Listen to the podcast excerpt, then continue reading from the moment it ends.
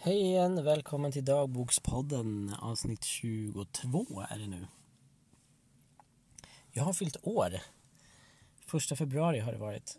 Eh, så nu är jag från och med då 29 år gammal. Det känns både kul och lite jobbigt att bli äldre. Jag har länge haft eh, sån här åldersnoja, verkligen inte velat bli äldre. Eh, men lustigt nog så ju äldre jag har blivit så har det släppt mer och mer. Eh, så att jag har inte alls samma åldersnoja längre. Eh, och födelsedagar har blivit så här. Eh, jag känner inget, jag känner inget behov av att direkt fira så mycket. Eh, för jag inser, eller för mig är det en dag som vilken annan som helst egentligen. Och samma sak tänker jag om alla andra högtider, så jul och midsommar och grejer. Egentligen är det ju bara helt vanliga dagar. Eh, men vi har gjort det till något speciellt och högtidligt. Sådär.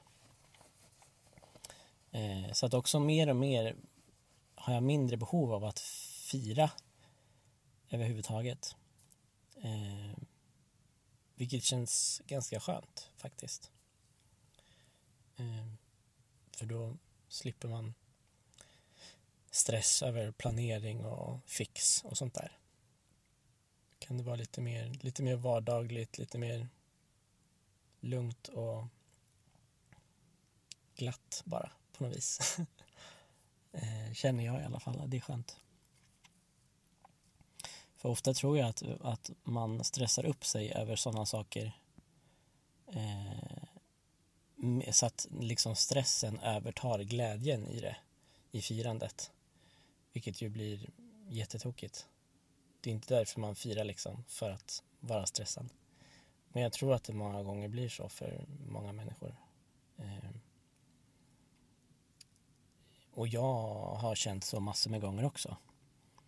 Senaste gången jag gjorde det kan jag säga var när vi hade kalas för, för min son. Eh, då är det så här, man fixar och planerar och så genomför man det och sen när det är slut så är det bara så här, åh, en stor suck. Bara, gud vad skönt att det är över. Eh, och då har man liksom ja, stressat upp och försöker få det att funka och sådär. Eh, så att det är liksom både på gott och ont. Det där med att, att fira saker för mig. Så det känns lite skönt att jag inte har samma behov av att fira så stort längre. Ehm, jag fick frågan av några klasskamrater sådär vad, vad jag önskar mig eller om jag önskar mig någonting. Eh, och då helt per automatik så det som kom ur min mun var att eh, jag önskar mig faktiskt ingenting. Och det är så skönt att känna att jag har precis det jag behöver i livet överhuvudtaget. Jag behöver ingenting. Så därmed önskar jag mig ingenting heller när jag fyller. Det var liksom det som kom ut automatiskt på den frågan. Jag behövde inte ens tänka efter. Och det var en sån himla, det blev en sån här liten så här aha-grej för mig. Bara jaha, är det så jag känner? Sådär.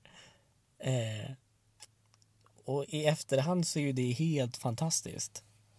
Eh, och jag inser hur långt, hur långt jag nu har kommit eh, med mig själv i min egen utveckling och hur, eh, hur jag ser på, på livet och, och sådär överhuvudtaget. Att jag helt av mig själv kunde ärligt säga att jag kände att jag hade allt jag behöver just nu. Och jag har inte gott ställt på något sätt. Jag menar, jag studerar och jag har eget företag. Då är man allt annat än, än rik, om man säger så, rent pengamässigt. Eh, och jag har inte, jag bor inte i hus, jag bor i hyreslägenhet och så här. Jag har inte jätte mycket grejer eller stora grejer eller dyra grejer, ingenting sånt. Eh, och lever inte på något sätt ett lyxigt liv. Eh, vilket jag i alla fall är programmerad med att det, det är då man någonstans kan känna att man har allt man behöver när man lever i lyx, liksom, när man har överflöd. Då har man det man behöver. Men jag har verkligen inte det. Eh, och ändå känner jag den känslan att jag har precis det jag behöver i livet. Så den, den insikten, eller sådär, att, ja, att, att jag känner så, att jag ärligt sa så, svarade så på den frågan, vad jag önskar mig, var så himla befriande.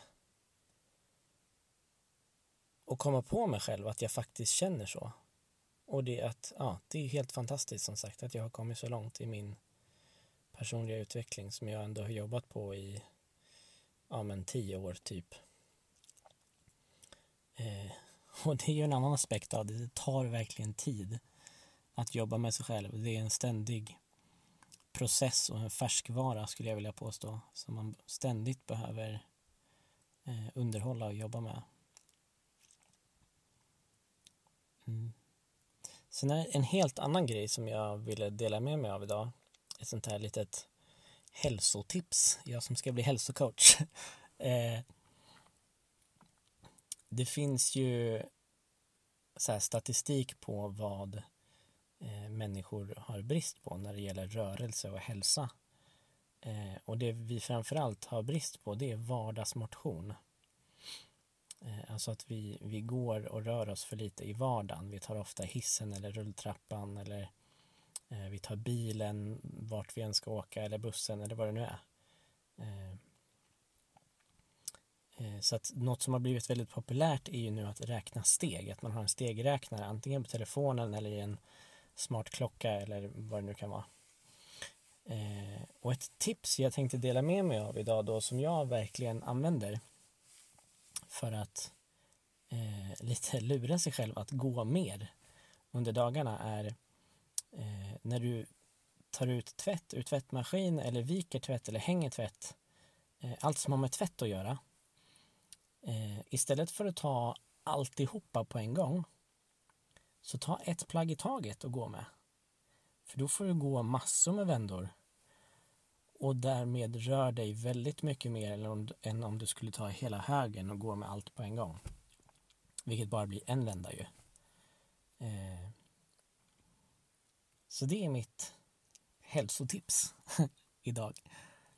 Att ta ett plagg i taget så lurar du dig själv att få flera steg under dagen när du ska hålla på med tvätten. Och det kan man ju säkert applicera på andra grejer också, tänker jag. Eh, men just tvätten är någonting som jag har anammat. Att jag tar ett plagg i taget och lägger in i garderoben från eh, torkställningen till exempel. Så att jag får gå massor med vändor. Yes, det var det. Tack så jättemycket för att du lyssnade. Jag hoppas att du får en fortsatt trevlig dag eller kväll eller natt beroende på när du lyssnar. Hej då!